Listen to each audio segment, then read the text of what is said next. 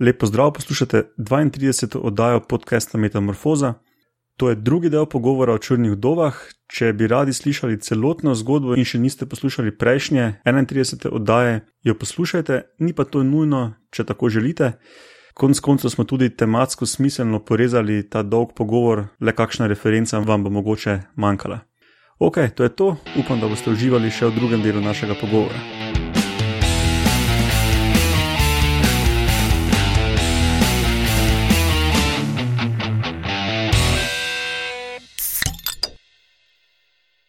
No, um, v bistvu nismo še povedali, ali se jim upravičeno reče črne vdove ali ne.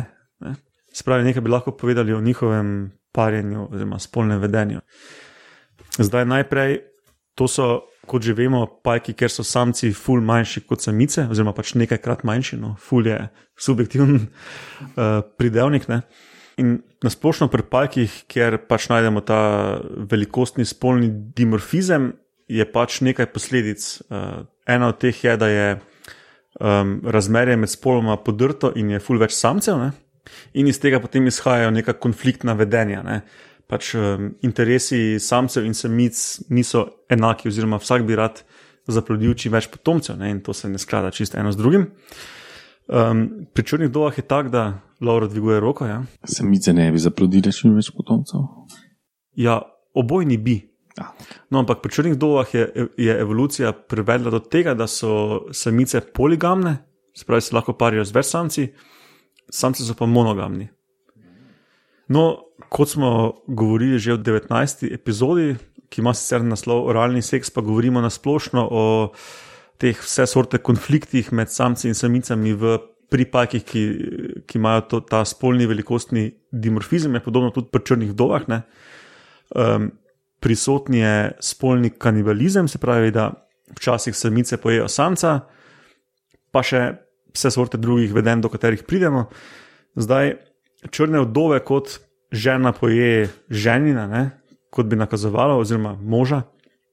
Sem spet, to sem se pa pogovarjal z Catherine Scott, ona je doktorska študentka v laboratoriju Median Andrade v Torontu. Kanada. Ja, to je vodilni laboratorij za raziskovanje vedenja črnih dov na svetu. Uh, Medijan Andrade je, mislim, da 96. ali 95.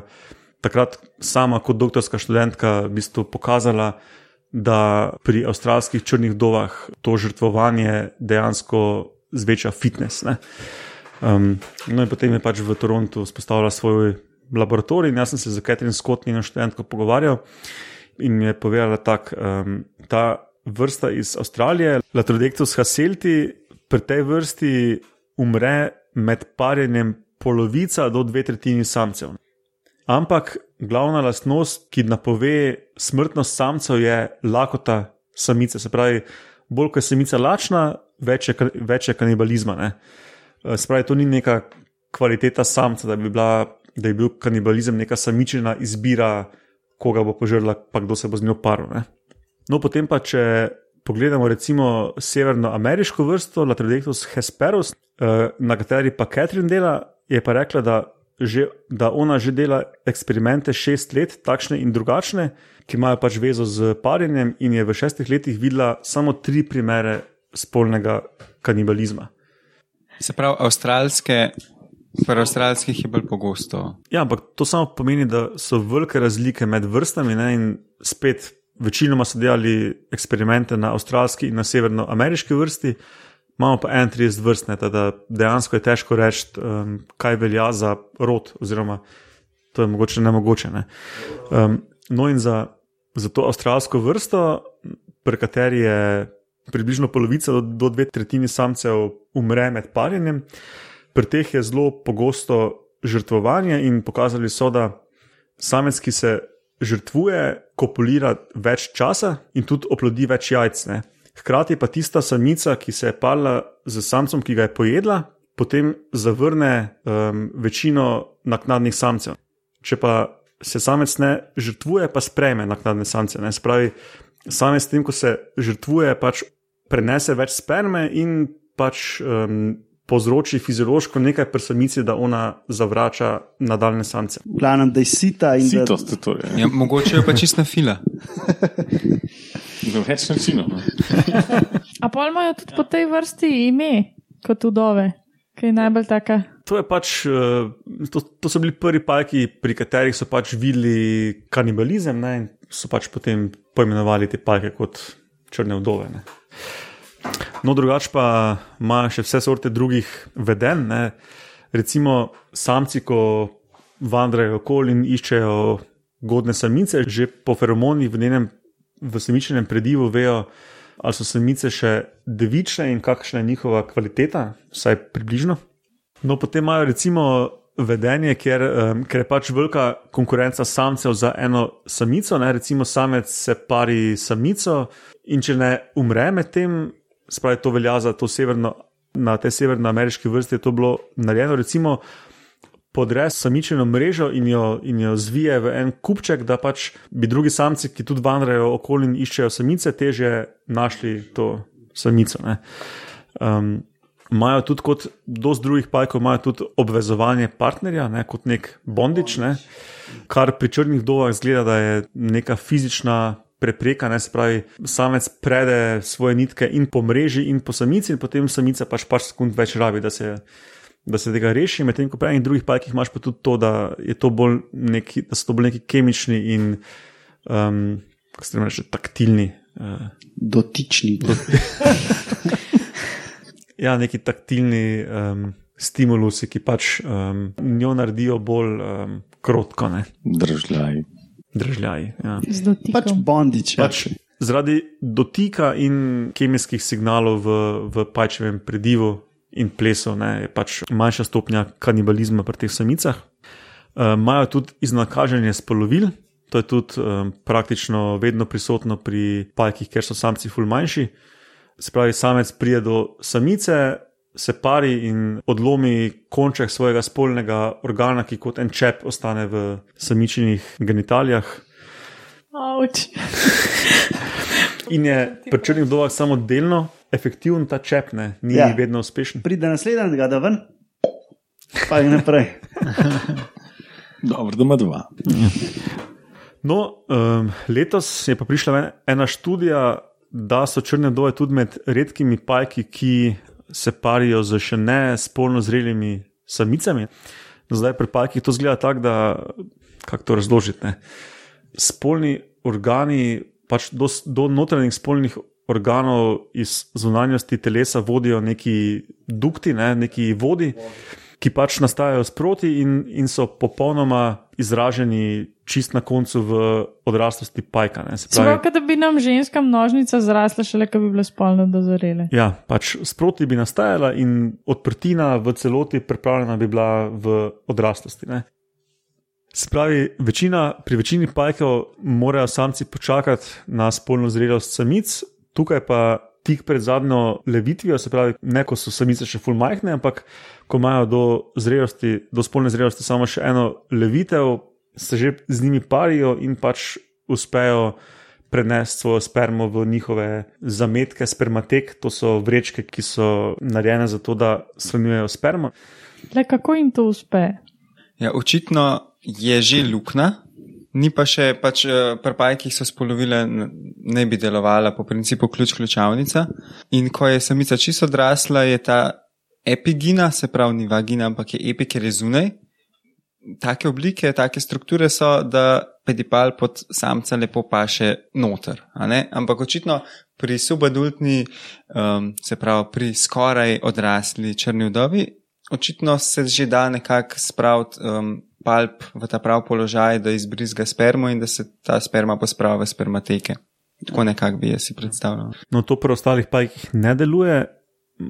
Še pri eni drugi družini pajkov obstaja parjenje z neodraslimi samicami, ampak tam dejansko samci pičijo skozi kožo samice in probajo zadeti te skoraj odrasle spolne organe. S tem, da ta družina pajkov dizderide, pri katerih je to znano, samice sploh nimajo izraženih, uh, ful dobro zra- izraženih spolnih organov, tako da nauč, ne moreš reči, da je odrasla ali ne. Kot en žleb, ne. Ja, v bistvu ni skoraj nič. Tako da tam ja, ali so, ali so res subadultne, ali so že odrasle. Pač, She looked 12 to me, ne? Se pravi, je v bistvu splošen pojav, da, da se luknajo. Ne? ja, splošen. Pri dveh vrstah, od, od 45 tisoč. Pri dveh družinah, ja, ki sta precej daleč v filogenetskem drevesu. Ne. Ostale, une ne dve, se pravi, ostalih velik, eh, pa ima uh, izrazite Ja, oblike. imaš haplogine Epigin. pajke, skupina pajkov.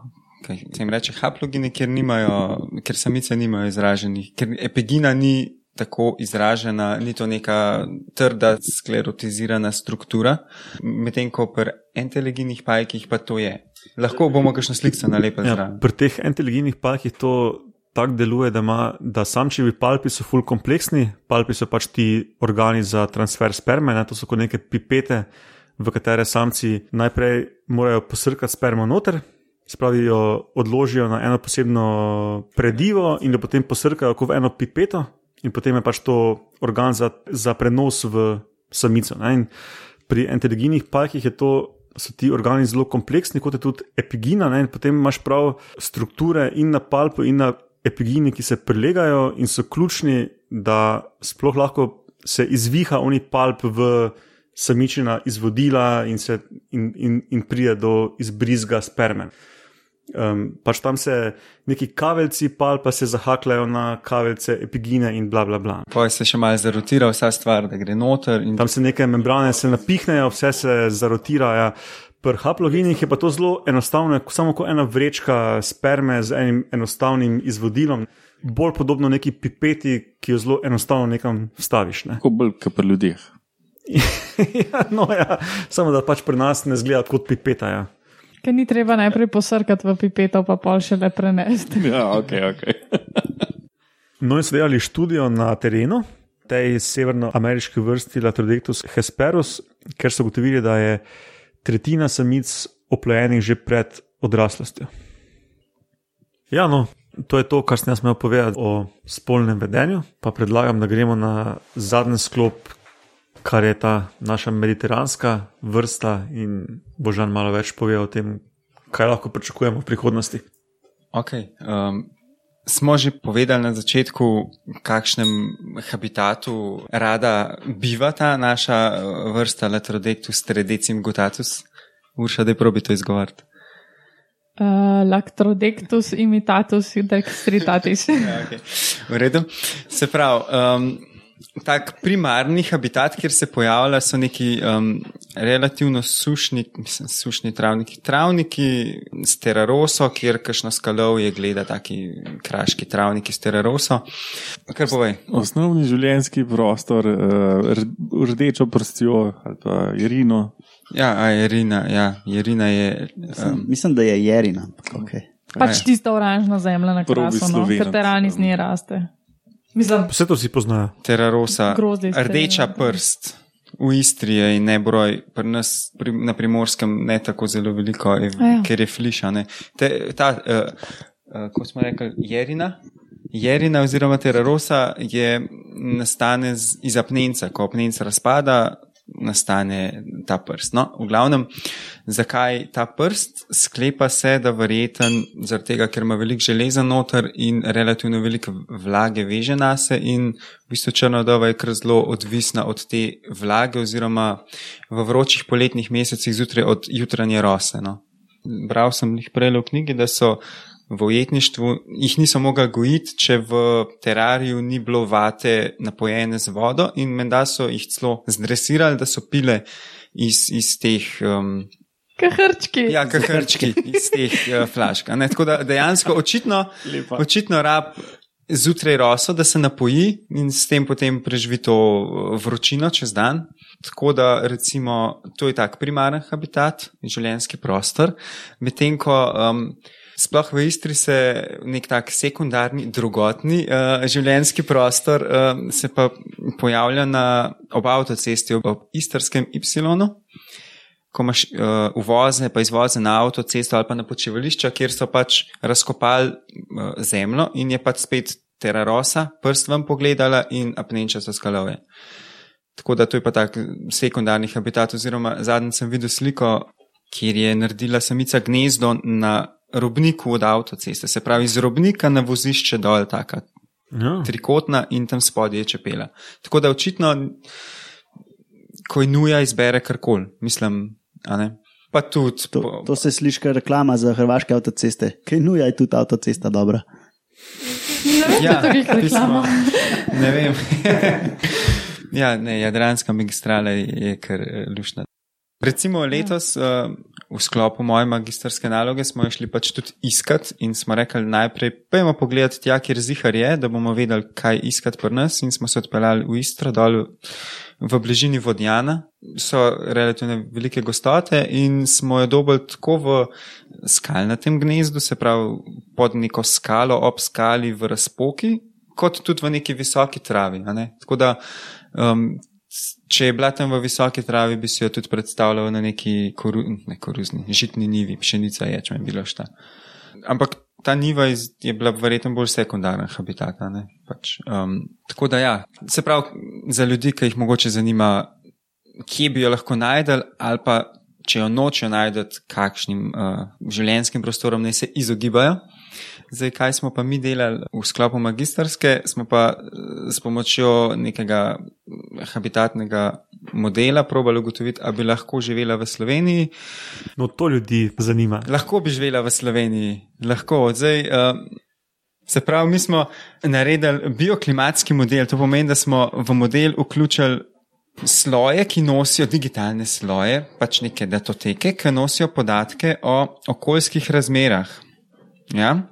Potem smo zbrali po Evropi od raznih inštitucij, muzejev, um, araneologov širom Evrope, smo dobili podatke o prisotnosti, se pravi podatke, kje je znana prisotnost črne vdove in potem to vržeš v program, v našem primeru Maxent, nastaviš par parametrov in on ti izračuna napoved oziroma Stvar je taka. Program se nauči za vsako piko, ki predstavlja prisotnost črne vdove, pogleda, kakšne so okoljske razmere tam in se nauči tega, kakšne razmere ugajajo črni vdovi. In potem ta iste razmere z nekim um, bufferom na vsaki strani, se pravi z nekim razponom, poišče na karti, na območju, ki mu ti rečeš, znotraj katerega ne išče, in na ta način izdela napoved potencijalne razširjenosti. Se pravi, ti imaš neko območje, kjer imaš črne vdove Ja? in računalnik se nauči, kaj jim paša, in pol apliciraš to na področja, kjer jih še ni, in vidiš, mogoče bi lahko tam bile ali ne. Recimo, ja. Glede na bodoče spremembe v klimi. Ali, Počak, najprej smo naredili samo model za trenutne razmere in se je izkazalo, da glede na podatke, ki imamo, pa glede na okoljske parametre, ki smo jih uporabili, je tipična sredozemska razširjenost. Kjer je sredozemska klima, tam se pojavlja, mečkan tam v, v Franciji, kjer je malce celinsko, eh, ne celinsko, oceansko, tam še malo gor je tak zobec, drugače pa praktično se čisto ujema sredozemsko. Potem smo pa naredili še projekcijo na sloje, ki pa nosijo podatke o potencijalnih razmerah v prihodnosti, v letu 2050, oziroma razponi od 2045 do 2060, se pravi tam nekje. Po enem od scenarijev RCP, RCP je uh, Representative Concentration Pathway, in se pravi, to je nek scenarij, ki opisuje, kako se bo količina toplogrednih plinov v atmosferi povečevala oziroma gibala. Ker eden od scenarijev, ta najbolj optimističen, napoveduje, da se bo počasi zmanjšala. Ampak, eh, glede na neko recentno študijo iz leta 2014, ki je pokazala, da smo trenutno na poti tistega najbolj pesimističnega eh, scenarija, smo izbrali pač um, okoljske sloje za ta scenarij ja, in izkaže se, da se bo ta pas ugodnih razmer za črno dovo premaknil na sever. Bomo dali zraven v zapiske, recimo karte, kjer se to fulj nazorno vidno. ja, jaz sem gledal tvoje karte in do tega intervala 2050 plus minus naj bi naj tudi do Skandinavije Ja, ja. prišle. Ne? Tako da v bistvu te izsledki se recimo dosto ujemajo tudi z eh, neko zelo recentno študijo, v kateri je tudi Kuntner recimo sodeloval, uh, ki so sicer gledali isto za pajka, za Hirakantium punctorium, ki je po eni strani zelo podoben kot črna vdova, ker je medicinsko pomemben, pač ugriznete in ugriznete tako, da ti čutiš posledice tega. Dejansko je tudi pri nas živi in je eden od teh pajkov, ki je nevaren, ki te lahko ugrizne. Ja, čutiš pa posledice pač dve uri, ne ja, nekaj dni. Ja. Tako da iz tega vidika se lahko par usporednic potegne, s tem, da pa, pač ta vrsta ni tipično sredozemsko razširjena, da se pojavlja tudi um, bolj proti severu, ampak v tej študiji, če sem prav razumel, so gledali, so ugotovili, da te severnejše populacije, da so to že te, ki se razširjajo, da to ni matična oziroma ta um, osnovna populacija, ampak so to že te, ki že grejo na severno. To je nek tak povzetek tega, kaj smo mi delali v nalogi. No, no in um, če bi ugibali, ali so pri nas in kje bo najprej pri nas, bi jaz recimo stavil na nekje območje Dragonije, pa na Osp, mogoče kot neko najbolj toplo območje Slovenije. Veš, ja, mislim, model je kazal na največjo verjetnost prisotnosti pod kraškim robom, se pravi, ja, uh mhm. -huh. osp oziroma cel kraški rob in, in dol. Uh mhm. -huh. Tako da, kje točen je pa po mojem čisto hastično, kam jo je zanesel in da je tam preživela eno leto in, in da je tja prišel še samc, ki jo je plodil in da se je uspešno razmnoževala. Ker pač eh, razširjajo se z vetrom, temu se reče baluning oziroma jadranje po slovensko, v zrak spustijo majhni, pač mladiči, ki so ne vem, par miligramov, v zrak spustijo nit in če je veter, jih dejansko dvigne in jih pač odnese nekam. Tako da vsa ta stvar je zelo naključna, bi pa pričakoval, da največje eh, premike v svoji razširjenosti bojo naredile v tistih sezonah, ki je pač številčna sredstva velika, ker ta mm -hmm. populacija eksplodira. Mm -hmm. Urša, Zakaj si se hihitala zdaj zraven pri baluningu? Ker je Žan rekel, da pač jih odnese bilo kam, naprimer v lase. Ne, je pa ena teorija, uh, s katero me je um, seznanil en gospod, uh, ki se ukvarja s Črnodovo v Istri, Nedilko Landeka, če koga zanima. Pač da zna biti, da se vzdolž uh, istrske avtoceste razširjajo s prometom. Pač mladiči jadrajo in jih zanese na avto, recimo, ko je gužva, ko stojijo. In potem, ko se avto začne premikati, takrat ponavadi ne bojo balunali, a ne se prav um, izberejo ta prave razmere, da bojo začeli spuščati nic. In recimo, potem avto se spet ostavi na naslednji cestninski ali pa na meji. In če bi tam recimo veter v pravo smer pihal, bi jih lahko odnesli v Slovenijo. No, še, še lažje si je to predstavljati. Um z nekim tovorom, ki je v nekih kištah, paletah, kaj takšnega, ne? pa so potem neke mreže tam. Recimo z ladjami smo čez Atlantik kar nekaj pajkov prenesli. Recimo, In še marsikaj drugega. Ja, tudi ja. recimo Črnodova je prisotna na, na Kanarskih otokih, ki so kar deleč od celine. Tako da, če nočete črne vdove v Sloveniji, pihajte otroci, pihajte, da boste nam odpihnili. Ja, pa ne več na morje hoditi, oziroma smo... ne se vračati iz morja. Sam na jug, pa krožno. Ne, um, smo pa pač pojugotavljali, da takrat, ko balunajo, se pravi, ko se izležejo iz jajc. Aprila, maja, odvisno od sezone, ponavadi piha burja, ki jih odpihne na morje. Pač, da... Pa mogoče veš, če so dejansko narejene študije ali balunajo, se pravi, ali se razširijo ja, na ta način. Se razširijo. Aha, aha, okay, to je, okay, okay. mislim, nesplošno. Ker to drugače ni splošno pri pajkih. Ne? Pač imaš pajke, ki se tudi čez Atlantik razširijo z vetrom, ne? ali se pa rutinsko, recimo, razširijo čez Jadransko morje. Imaš pa tudi pajke, ki so zelo sedentarni in sploh tega ne poskušajo. Definitivno se razširijo z vetrom, če uh -huh. dobro. No. Okay. Oziroma, verjetno gre za celo družino te redine. Um, tako da to je ena od teorij, kako bi lahko prišla v Slovenijo. Sam bi se pa mogel več uh, faktorjev poklopiti, mogoče pa že tukaj, pa jih nismo pač samo najdeli. To sem jaz mislila vprašati, kako gre v bistvu, koliko je enega tega stalnega uh, spremljanja, pa človek bi temu rekel, sicer monitoring, sem verjamem, da ga ni, ne, prav tako ciljnega, ampak ko, kakšna je šansa, da bi me, med nekim drugim normalnim, rednim delom lahko naleteli na, na, na te nove vrste? No, Ma, jaz bi, mislim, kar se pajkarskega dela tiče.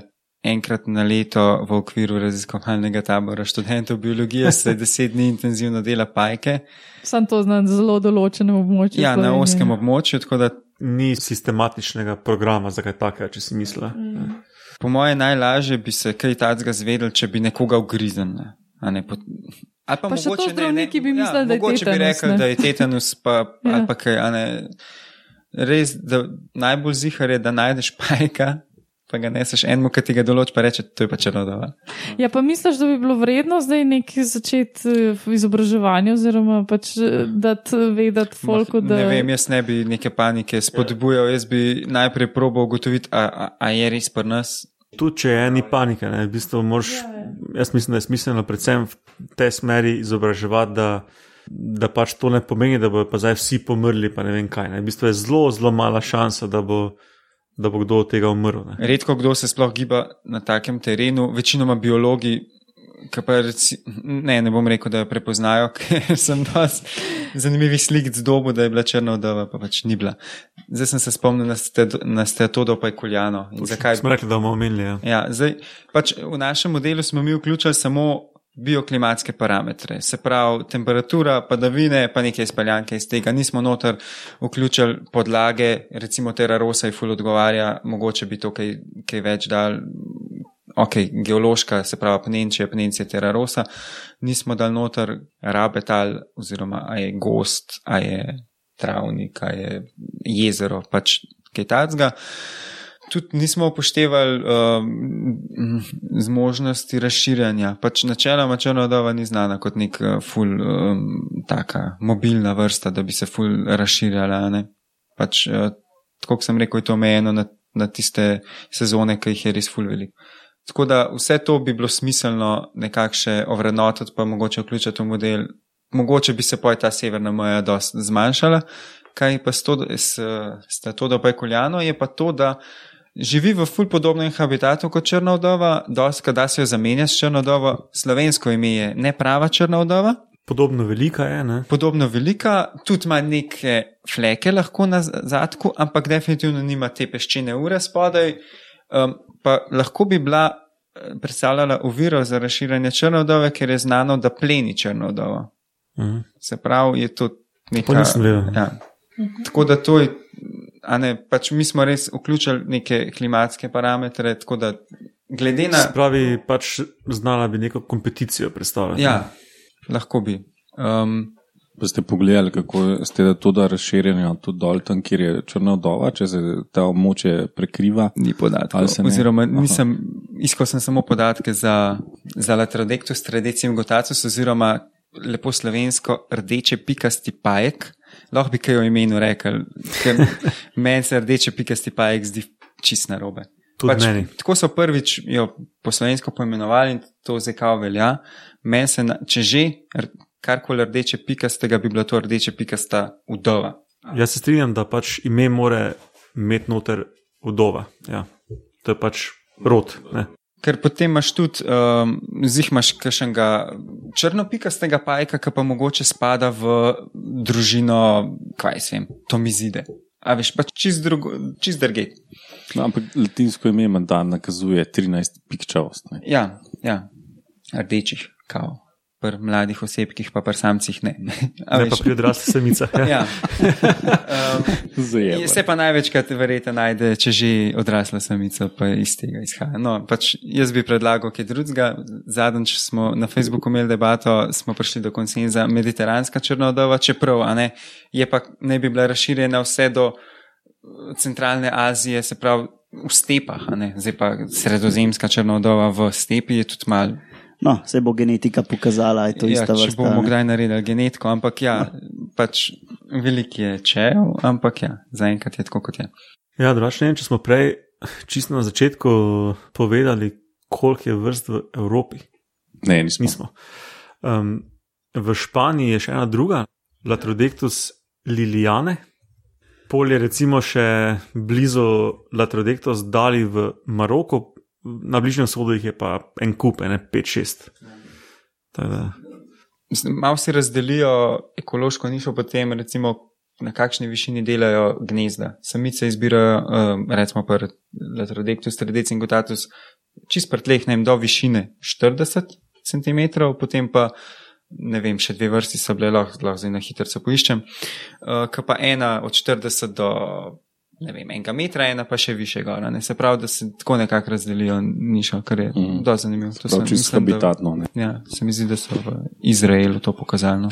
Mhm. Um, ni važno. Ja, v Izraelu so ene tri, štiri vrste, meni se zdi nekaj Ja. ja. takega. Ja. Je dobro, če je to to, potem lahko gremo na še tista vprašanja poslušalcev, ki so ostale. Zdaj, Tita sem že omenil, da je pač vprašal, če so vse v enem rodu ali če gre za konvergenco, to smo odgovorili. Eh, Vprašal pa tudi, če so vezane samo na subtropske, suhe in pašalske predele ali tudi kam drugam. Ne? Zdaj, večina diverzitete je ravno v subtropih in nekih suhih predeljih, se pravi, No, ja, Mediteran, pa tam recimo centralna Azija, Bližnji step. vzhod, Južna, Južna Azija, Jugovzhodna Azija, kar, ki je že kar tropska. Ne? V Južni Ameriki jih je dosti na jugu ZDA, ne? se pravi, je bolj tropsko, subtropsko, pa neko polpuščavsko. Janko je rekel, morda omenite nove izsledke o parjenju s spolno nezrelimi samicami, ki se za samce praviloma bolje konča, to smo omenili. Igor pa ni postavil vprašanja, ampak bolj komentar in je rekel: Spomnim se, da smo kot študenti skupaj s Cimrom iz Splita peljali en komat v navadnem kozarcu za vlaganje. Neostrašno. Kaj, če bi prišlo do prometne nesreče? To so zgodbe za vnuke, samo olepšati jih je treba. Ja, če bi preživel, bi umrl, ne? Ja, točno to, kar je rekla. No, evo, očitno se s prometom Ja, prenaša. očitno se s prometom prenašajo. Zdaj, vprašanje gre nazaj, a so jo spustili kje pod kraškim robom, ker tam je največja verjetnost, da bi preživela, pa če so jo, kje so jo, da gremo jo poiskati. Jaz bi to bolj odgovoril v tem smislu, da pač uh, je treba pač izobraževati folk v tej smeri, da ni treba panike zganjati. Ne. Pa jih ne v kozarcih prenaša, da jih lahko v rokah držijo. Pa dobro, to, to mene ne boli toliko, če bi rad imel kdo to kot domačo žival, ampak tudi če se nekje razširijo, ni treba panike zganjati, ker pač če jih ne drezaš v njo, oziroma se pač sedeš na njo ali jajca pomoliš v fris. Ne, Narediti mogoče. ja. Na meji bi znal imeti težavo, če bi hotel živo žival čez mejo spraviti. No. Ampak če spustiš prosto v avto, pol. Aj, ne veš, nisem vedel. Majke mi. Mislim, jaz sem ponovadi vsaj enega pajka prisoten, No, ja, nekje, ampak- veš, v avtu, okej. a ne. Ki pač leze, a ne. Zdaj, To pač le- zdaj, a ne, nihče še nikoli ni porajtu, ker ni bil Matjaž, a ne. Konec koncev, uh, kako bi sploh dovedel, da je to črna vdova. ne. Exactly. Pa če en pajk leze po avtu, ne, to je običajno. Ja, če je to velik, te kar zmotno. No, sem. No, to bi bilo verjetno za danes. Smo že kar izčrpali temo, Ja. čeprav se bi se verjetno dal še sebe. kaj- Ja, jaz sem že od 4 zjutraj po koncu. ja, se to. Kaj še le unik imajo otroke? Če, da, da boš ti, Matjaš, povedal. Pod črto povedano za vsa vprašanja, kritike, eh, dobronamerne, slabonamerne, eh, Facebook, Twitter, metine liste, Facebook, metamorfoza, Twitter, et Romunov, et z Kuralt, et Gozna Jožica, et Matjaš Gregorič. Če vam je zelo všeč to, kar počnemo, lahko kak cekin tudi donirate na strani metine liste. Dobite nas lahko na mailu metamorfoza.afnametinalista.si in to je bolj kot ne to, ne. Do poslušanja naslednjič. Ne, ne, ne, ne.